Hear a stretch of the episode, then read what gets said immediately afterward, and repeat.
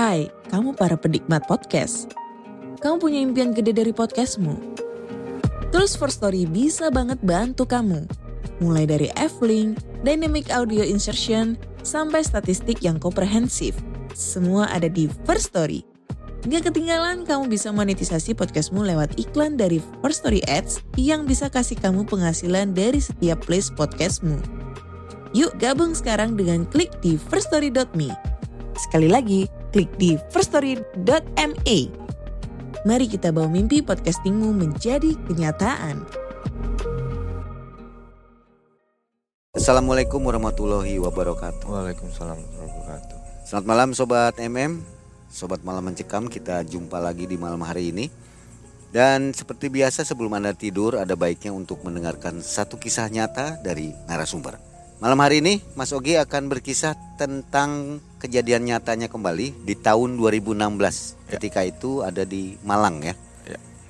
Jadi kisahnya Mas Ogi terpuruk hutang, terlilit hutang dan curhat kepada seseorang ya. Benar, Ternyata yang dicurhatinya ini sudah meninggal sudah meninggal dan dunia. mengajak ke suatu tempat untuk melakukan ritual begitu ya. Ya, benar. Bagaimana kisahnya nanti kita akan dengarkan kisah Mas Ogi tahun 2016 ini. Mas Ogi aktivitas apa sekarang? Masih biasa, Mangai. Apa itu? Eh, ojol aja. Waduh rajin ya. Ya, alhamdulillah. Tapi bisnis lainnya ada ya. alhamdulillah ada Jadi double lah gitu. double. Banyak uangnya nih kalau gitu. Aduh, lumayan. Lumayan ya. Alhamdulillah. Alhamdulillah. Alhamdulillah. Oke Mas Ogi sudah siap untuk berkisah ya? Siap? Kita dengarkan kisah dari Mas Ogi. Silakan.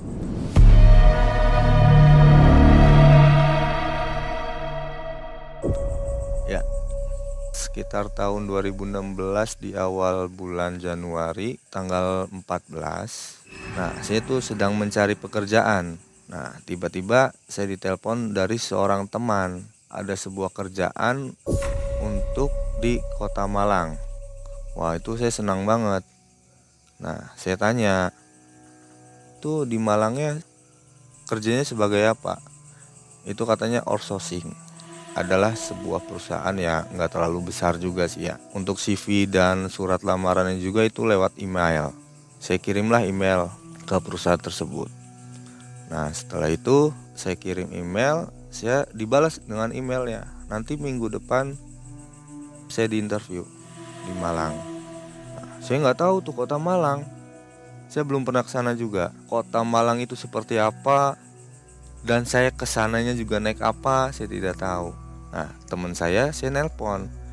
Ini nanti ke sananya naik apa? Transportasinya melalui kereta saja nanti saya jemput kamu di stasiun kereta. Oke. Itu saya udah beli tiket untuk minggu depan dan saya berangkat ke sana. Saya ketemu dengan teman saya. Nah lalu posisinya kita jalan dulu di sana setelah jalan eh, kita makan sambil cari-cari untuk kontrakan atau kosan untuk saya tempat tinggali di sana. Nah, sambil jalan itu saya tanya, ini apakah saya diterima atau enggak nanti kerja di sini? Kayak gitu. Saya hanya cuma eh, bisa sampai tiga hari untuk di sini. Maksudnya untuk makan dan lain-lain kayak gitu kata dianya udah nggak apa-apa. Saya yang bayarin nanti setelah kamu gajian kamu bisa kembalikan. Oke kayak gitu. Cari-carilah. Alhamdulillah ketemulah kontrakan. Saya di situ. Nah keesokan harinya saya ke perusahaan itu yang saya dipanggil ke tempat kerja. Saya diinterview lah segala macam dan lain-lain. Saya menjadi seorang marketing. Setelah itu saya bekerja di sana Alhamdulillah satu bulan, dua bulan saya dapat gaji yang lumayan, jadi saya bisa membayar teman saya itu. Nah, jadi ada satu orang yang bernama Benny. Nah, Benny ini adalah asisten tangan kanan bosnya. Dan itu nggak ada yang berani dengan dia. Nggak ada yang eh, berani untuk mengobrol atau menanyakan kerjaan ke dia. Karena ya tahu sendiri kita kalau misalkan udah tangan kanan bos itu kita kalau misalkan salah kata aja sudah dikat kayak gitu. Nah setelah itu eh, tiga bulan berjalan dan empat bulan berjalan alhamdulillah mang E saya dapat gaji yang sangat gede dan dapat bonus yang sangat istimewa lah bisa dibilang nah saya memberi, memberanikan diri untuk mengambil kendaraan. Nah saya mengambillah kendaraan itu roda dua motor. Nah saya ambil kredit. Nah awalnya kan untuk KTP saya kan KTP alamat Cirebon bukan KTP alamat sana. Pakailah nama teman saya. Saya tanyalah ke teman saya e, bro eh, saya mau ambil ini nih ambil kendaraan daripada saya nyusahin kamu terus antar jemput setiap harinya. Ini udah empat bulan alhamdulillah saya dapat lumayan bonus. Nah teman saya tanya e, mau ngambil apa? Ya motor aja lah yang murah. Ambillah saya motor itu.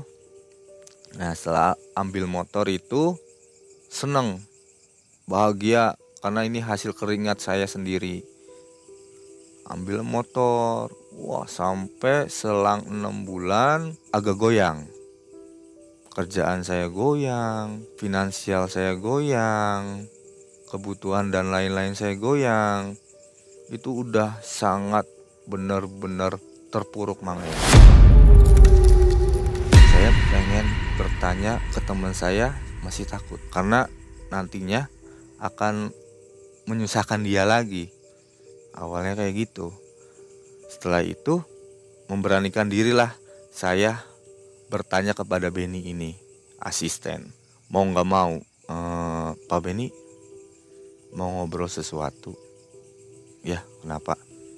Dengan tegasnya asisten bos itu bertanya e, saya ini lagi ada kendala untuk keuangan. Saya baru ngambil motor saya tidak bisa membayarnya dan kontrakan juga belum dibayar Nah, Pak Benny berkata, mau minjem berapa? Nggak banyak. 5 juta saja Pak Benny. Dipotong dari kerja nanti pas di bulan gaji. Dia ngelihat data mungkin. Kenapa penjualan ini kamu semakin lama semakin turun ya? Udah berapa lama kamu kerja di sini? Sekitar enam bulanan Pak Benny kata saya tuh. Sekitar itu dan terus Pak Benny berkata, Emang kamu bisa bayar? Setelah saya kasih uang ya kamu bisa bayar. Seharusnya kamu itu karyawan baru tidak bisa. Oke lah, kamu cukup banyak membantu perusahaan ini untuk penjualannya lebih meningkat lagi. Oke, saya bantu hari ini, tapi bulan depan kamu harus targetnya melebihi batas. Saya menyanggupi di situ. Saya ngeberaniin diri untuk mendekati Pak Beni ini. Pikir saya kok nggak ada yang berani dengan Pak Beni padahal orangnya enak asik royal kayak gitu. Saya deket-deketin selama dua bulan. Akhirnya tuh kita dekat dengan Pak Beni ini. Nah dekat-dekat dia juga berkata udah gak usah manggil Pak lagi kalau di luar. Manggil nama aja oke. Kita kenalan dari mana dan dari mana. Ternyata kita juga sama perantau. Pak Beni ini sudah lima tahun kerja di situ di perusahaan ini di outsourcing ini Nah, setelah itu eh, kita lah main di kosan atau kontrakan Pak Beni ini main. Loh Pak Beni, Pak Beni udah enak kerjanya, kenapa belum berkeluarga atau masih kontraknya sendiri? Kata saya kayak gitu. Ya belum dapat aja jodohnya kayak gitu. Nah setelah itu eh, kebesokan kerjanya saya makin akrab nih dengan Pak Beni. Saya dikasih tahu caranya bekerja marketing ini seperti apa cari tahu untuk uh, mengobrol dengan nasabah itu seperti apa dan cara-cara menarik perhatian nasabah seperti apa kayak gitu. Dikasih tahulah caranya. Dan alhamdulillahnya setelah satu bulan saya ambil ilmu dari Pak Beni ini semakin banyak nasabah saya tapi dengan ilmu tersebut yang Pak Beni kasih saya semakin menjadi-jadi Mang Ai. kenal dunia malam, kenal yang namanya perjudian, kenal yang namanya cewek, kayak gitu. Jadi makin ruyam. Nah, selang 4 3 bulan atau 4 bulan itu saya makin kacau, malah tambah parah. Sudah dibantu tapi nggak tahu diri, benar. Saya jadi nggak tahu diri, jadi beban buat dia. Tuh. Pak Beni marah lah sama saya. Marah, marah, marah. Nah setelah itu saya mengurung diri di, di kontrakan. Saya sampai nggak berangkat selama dua hari. Saya harus bangun nih. Nah tiba-tiba pas saya setelah masuk itu Mang E tiba-tiba Pak Beni hilang. Semakin lama banyak orang-orang di perusahaan itu nanyanya kepada saya. Kok aneh? Pak Ugi, Pak Beni ke mana? Waduh, saya juga nggak tahu nih. Saya juga baru masuk kerja udah izin dua hari saya nggak masuk karena posisi saya lagi nggak enak badan. Di jam istirahat saya ke kantin banyak yang nanya juga. Ibu kantin dan yang lainnya. Ya saya jawab aja. Saya juga nggak tahu Pak Beni itu ke mana. Nah singkat cerita saya dikontrakan dan saya kepikiran ini Pak Beni ke mana? Keluarkah atau izinkah atau memang dia nggak masuk karena sakit? Awalnya saya hiraukan udahlah. Keesokan harinya saya masuk kerja. Dikirain saya Pak Beni itu sudah masuk. Nah saya masuklah ke ruangannya Pak Beni untuk memulai kerja baru untuk meminta maaf ke Pak Beni sebenarnya mah. Nah masuk kok ruangannya kosong? Saya tanya ke OB, biasanya kan office boy itu kan pagi datang. Dan Pak Beni otomatis selalu pagi datang. Saya tanyalah ke Pak ke office itu. E, Pak, C, punten kalau Pak Beni emang nggak belum berangkat? Enggak Pak, C. Waduh, oke lah. Saya mulai udah jamnya kerja, saya berarti kerja. Pas pulang, saya udah niatkan diri. Malam saya mainlah ke rumah Pak Beni ke kontrakannya. Setelah itu saya bergegas lah untuk ke kontrakannya Pak Beni nggak jauh lah dari kontrakan saya sekitar 25 menit.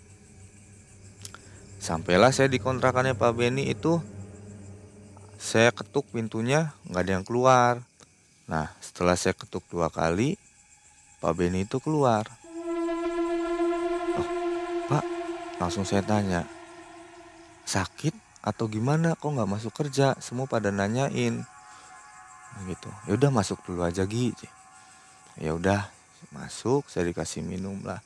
Gimana gimana aja ya emang keadaan saya kurang baik. Kerjaannya makin banyak. Dan eh, bos juga menyuruh saya untuk istirahat. Oke nggak lama itu mangai saya dari kontrakan itu langsung pulang. Karena waktunya juga sudah malam dan besok saya langsung kerja lagi saya pulang lah. Nggak ada yang aneh di situ ya dengan Pak Beni nggak ada belum. Belum ada yang aneh. Nggak ada nah, kelihatan wajah nah, atau apa? iya. Nah setelah itu saya kerja saya pulang tuh. Nah besoknya saya kerja lagi. Pasti banyak banget yang nanya Pak Beni ini ke mana. Ya saya jawab lah. Kemarin saya baru dari kontrakannya. Karena katanya nggak enak badan. Oke lah ya udah titip pesan aja. Oke. Nah malamnya kedua kalinya Mang E. Nah, saya mainlah lagi ke rumah Pak Beni ini. Di di rumahnya di kontrakannya itu nggak ada sama sekali keluarga karena Pak Beni ini perantau juga. Sama seperti saya. Dan juga belum beristri juga, berkeluarga juga. Kayak gitu. Nah, saya tanya tuh, Pak Beni mukanya agak pucat, sudah ke dokter atau belum? Sudah, ini saya sudah minum obat. Nah, singkat cerita, saya curhatlah ke Pak Beni tentang masalah saya. Nah, saat itu saya cerita, Pak Beni sebenarnya yang saya tidak masuk itu sebenarnya saya memikirkan sebuah cara dan saya juga memikirkan untuk meminta maaf kepada Pak Beni ini. Kenapa minta maaf kepada saya? Dengan tatapannya kosong, saya makin takut dong. Ya karena waktu Pak Beni meminjamkan uang kepada saya, terus Pak Beni sudah apa mengasih ilmu tentang kerjaannya kepada saya. Alhamdulillah saya sukses Pak Beni. Tapi alhasil saya masuk ke dunia malam. Kayak gitu Pak Beni menghabiskan semua uangnya dan saya terlilit banyak lagi hutangnya saya minjemin saya minjem ke saya minjem ke sana sini untuk kehidupan saya di sini. Dan saya uh, tidak bisa membayarkan motornya lagi. Kata saya gitu. Pak Beni nggak banyak tanya. Ya sudah nanti malam Jumat datang lagi ke sini. Jam 11 malam. Kenapa harus malam Jumat Pak Beni? Kata saya. Ya sudah, turutin aja. Oke, kalau gitu saya pulang Pak Beni. Saya pulang lah, saya nunggulah satu minggu itu kerja. Ya kerja seperti biasa aja saya. Setelah kerja itu, di saat waktunya tiba malam Jumat, saya datanglah ke kontrakannya Pak Beni. Sepi mang eh. Di kontrakan itu udah kayak bukan yang saya pertama kali atau kedua kali saya datang ke situ. Anehnya saya ketuk pintu tapi Pak Beni datangnya dari belakang. Kontrakannya kos-kosan atau satu rumah? Kontrakan satu rumah. Satu rumah ya. Satu rumah. Jadi Pak Beni sendiri di sini. Pak Beni sendiri. Nah, saya itu saya kaget dong. Loh, kok di belakang kata saya tuh. Habis dari mana Pak Beni? Saya dari belakang. Nah, tatapannya udah mulai aneh hawanya juga udah mulai aneh disuruh tunggu. Nah saya setelah itu diajaklah keluar dengan Pak Beni naik motor. Nggak e, lama kemudian saya dibawalah ke suatu hutan. Jaraknya agak jauh dari kontrakan yang Pak Beni itu.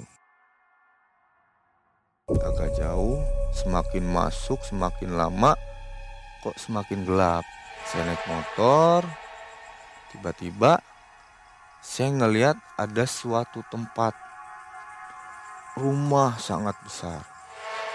Nah, Pak Beni mengatakan lurus saja, nanti depan belok. Oke, belokan hanya cuma satu. Oke, masuklah ke rumah itu. Nah, kok anehnya lagi, Pak Beni kok ada di depan Perasaan saya motor aja, saya baru turunin kok tiba-tiba cepat ke depan. Saya makin kaget nih, ada apa? Oke, saya turunlah dari motor. Saya masuk. Kok ini rumah sebesar ini, Mang Eh? Nggak ada penghuninya. Saya bertanyalah ke Pak Beni. Pak Beni, kan ini rumah siapa? Ini rumah kakek saya kan kamu sendiri yang minta untuk bantu kamu untuk membayar semua kehutang-hutang kamu. Iya sih cuma tempatnya kok kayak serem kayak gini udah nggak apa-apa. Ikutin aja saya masuk. Oke saya di luar disuruh di luar dulu tuh mang eh nggak disuruh masuk. Nah. Kondisi rumahnya seperti apa? Lampunya? Lampunya sangat terang mang eh Oh, terang. Terang banget. Cuman sudah tua gitu. Sudah tua. Jadi itu tuh rumah besar. Rumah itu tuh besar, tapi ada pencahayaannya terang banget. Jelas banget itu. Kosong ya? Iya kosong, tapi bukan rumah-rumah kayak modern sekarang ini mangai. Kayak rumah tua kayak bilik bambu kayak gitu. Tapi sangat luas. Keluarlah itu sosok kakek dan nenek. Tapi kok kayak memakai busana zaman dahulu kala tuh. Ya yang kayak baju hanya biasa, kain hanya selendang kayak gitu dan kakek-kakek memakai apa ikat kepala seperti itu. Nah, saya disuruh masuk lah. Saya disuguhin lah minum. Nah, saya nanya lagi ke Pak Beni ini Pak Beni punten Sebenarnya saya kan hanya menceritakan kesusahan saya. Nah, ini sebenarnya tempat apa? Yang ada di pikiran saya tuh hanya ingin mengetahui ini tuh tempat apa. Ya. Pak Beni cuma ngomong, ya inilah tempatnya saya sekarang. Tempatnya saya dan kakek dan nenek saya. Sekarang saya tinggalnya di sini. Loh, terus kontrakan saya, saya sudah tidak di situ lagi. Pak Benny berkata kayak gitu. Oke lah, saya turutin. Nah, si kakek itu bertanya, ada apa nak? Nah, saya bertanya, iya kek, ini saya temennya Pak Benny. Nah, saya diajak ke sini, mau silaturahmi kek, kata saya gitu. Kata neneknya, mangga silahkan di uh, minum dulu minumannya. Oke, saya minum. Nah, setelah itu minum, kok makin lama kok saya ngeliat mereka bertiga ini kok aneh Mang E. Saya kayak ngeliat ini Pak Beni atau bukan. Kok semakin lama semakin aneh nada bicara dan uh, perilakunya dia kok semakin ganjil gitu Mang E. Nah setelah itu oke okay lah saya berpikir positif aja karena uh, saya yakin ini Pak Beni ini bisa benar-benar membantu kesulitan saya. Nah, nah setelah itu gak lama kemudian si kakeknya ini masuk Mang E. Si kakek ini masuk dan saya ngobrol dengan neneknya. Pak Beni di sebelah saya hanya duduk diam. Duduknya sama seperti ini. Cuma seperti ini aja. Tatapan kosong ke depan Pak Beni. Nah, dengan neneknya juga sama seperti itu, ngobrol seperti ini. Nah, saya ngobrol lah dengan neneknya. Ya, ceritakan tentang kesulitan saya yang alami yang sekarang ini. Mau menuruti apa saran saya? Biar kesulitan kamu itu semua hilang. Kata nenek tersebut. Otomatis dong, mau banget karena benar-benar saya itu terlilit hutangnya sangat besar sekali. Sudah deadline untuk membayar membayarnya sudah pada menagih ke saya. Saya itu, nah di situ ada yang namanya ritual mangai. Ritualnya dari nenek itu hanya sebuah air dan satu kembang mangai. Kayak kembang yang dari tujuh rupa itu tapi kayak kembang kantil atau apa itu. Nah, kata kata nenek itu makan setiap malam Jumat. Saya semakin aneh mang eh. Kok saya disuruh minum minuman ini dan harus memakan bunga kantil ini. Ada apa ini? Semakin takut. Saya melihat Pak Beni, saya nengok ke kiri. Kok Pak Beni tidak ada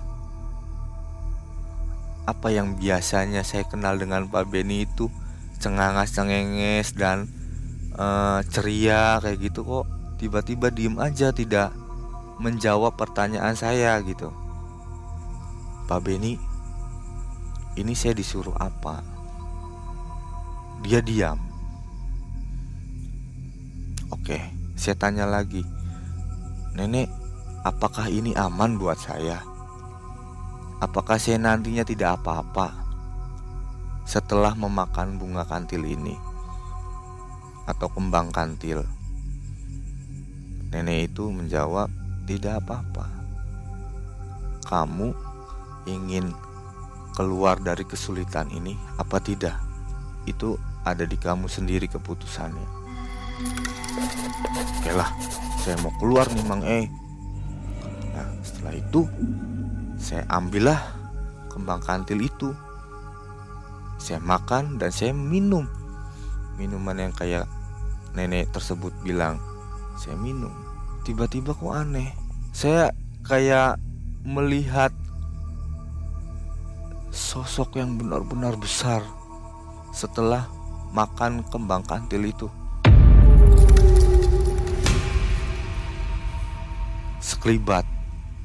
Masih di lokasi rumah itu. Masih di lokasi itu, Mang Saya pikir itu kan kakek, karena kakek itu kan masuk. Tidak berwujud, Mang Tapi sangat sosoknya tuh sangat gede, seperti bayangan tuh.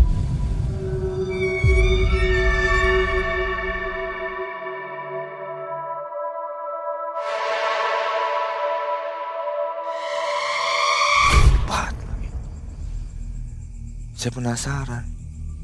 Saya sampai kaget sendiri. Itu apa? Tapi saya hiraukan, saya beraniin diri. Karena yang di pikiran saya, yang penting hutang saya lunas. Sulitan saya ini selesai. Bebas. Nah, setelah itu kakek itu muncullah.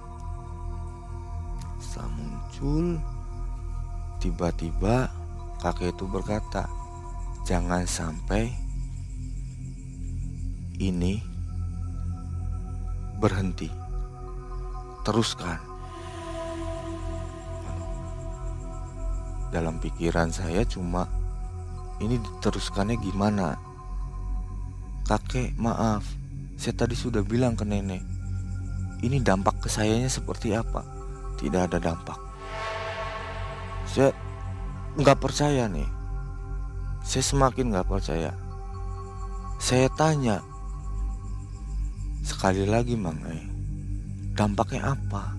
Karena saya takut Mang E walaupun iya kesulitan sayanya sudah hilang tiba-tiba saya kenapa-napa kan saya takut. Saya itu ingin bertanya lagi sama Pak Beni ingin ngobrol lagi. Pak Beni sudah hilang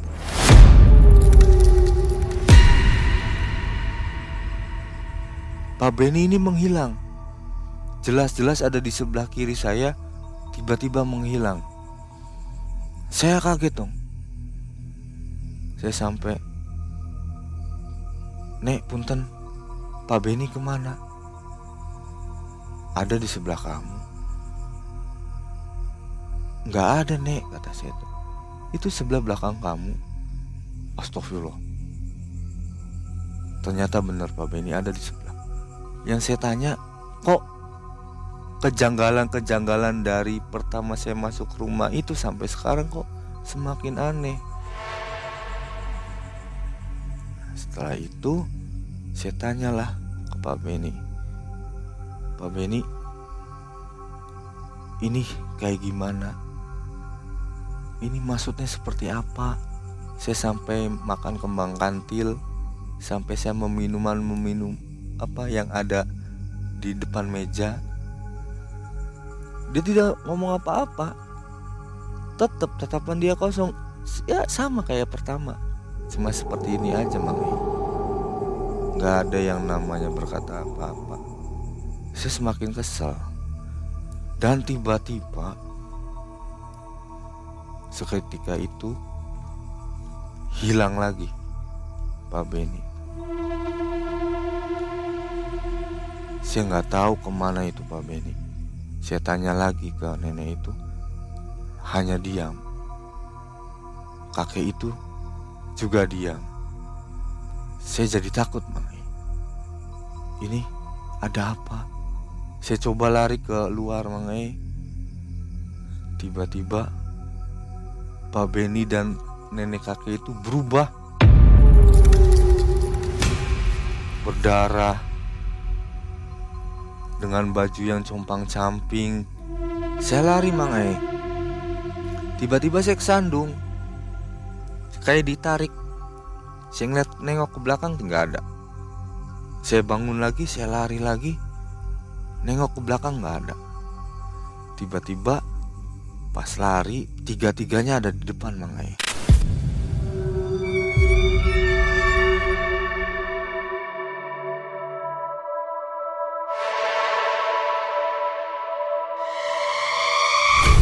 Semuanya itu seperti yang tadi saya bilang berdarah-berdarah compang camping mengejar saya kayak ingin mau memakan saya atau menyekap saya kayak gitu. Saya tidak tahu kalau misalkan dia itu tuh mau apa dia itu sebenarnya apa bertiga ini saya lari lagi ini menghilang saya sampai jatuh berkali-kali. Saya sampai luka sedikit ya bisa dibilang gitu Mang E. Tiba-tiba Pak Beni ada di depan saya dengan perwujudan yang sangat seram. Yang sangat benar-benar menyeramkan. Berdarah-berdarah dengan baju yang robek kayak gitu. Saya di situ jatuh saat saya, saya jatuh itu tiba-tiba Pak Beni mendekati saya Mangai dengan tangannya seperti ini menarik menarik nggak lama kemudian ditariklah saya ke belakang nggak tahu entah itu siapa Mang E kakek-kakek bersorban dan saya dibisikin Mang E. Sadar. Ini bukan alam kamu. Keluar dari sini. Tiba-tiba saya pingsan Mang E. Setelah saya sadar, tiba-tiba saya ada di tengah kuburan. Oh rumah tadi itu ternyata kuburan. Ternyata rumah tadi kuburan. Aneh dong. Saya takut. Saya bergegas lah lari. Saya tuh melihat di depan itu ada sebuah motor di kayak di kuburan itu tuh kayak ada tempat pos ronda atau apa kayak gitu. Lah, saya lihat loh, itu kan motor saya. Sama dengan kuncinya nyantol di motor itu, Mangai. Otomatis saya langsung lari ke motor langsung saya nyalain saya kabur dari situ saya nggak tahu arahnya ke mana alhasil ketemulah jalan jalan raya.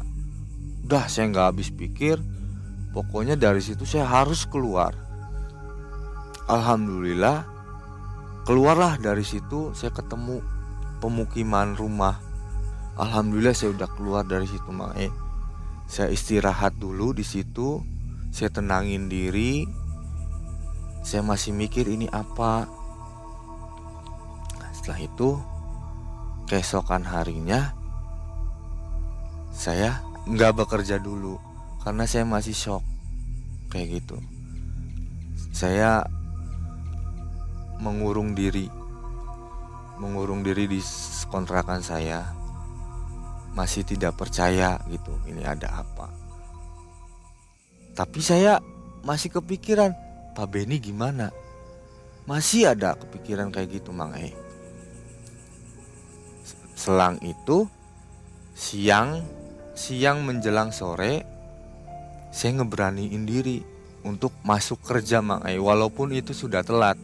Karena kalau saya di rumah takutnya kenapa-kenapa. Malah kepikiran. Malah kepikiran Mang E jadinya mau saya dimarahin mau di apa sama bos atau apa pun itu yang penting saya masuk nyari kesibukan saya masuk ditanya kamu habis dari mana? Saya habis dari kontrakan. Kenapa jam segini baru masuk? Iya pak saya nggak enak badan. Kata saya kayak gitu. Normal lah kayak pekerja biasa lah udahlah. Nggak sengaja saya nanya. Pak Beni ke mana? Kamu belum tahu. Kabar dari Pak Beni? Loh, saya nggak tahu. Ternyata seminggu ini Pak Beni ini meninggal. Sudah seminggu. Satu minggu ini Pak Beni meninggal.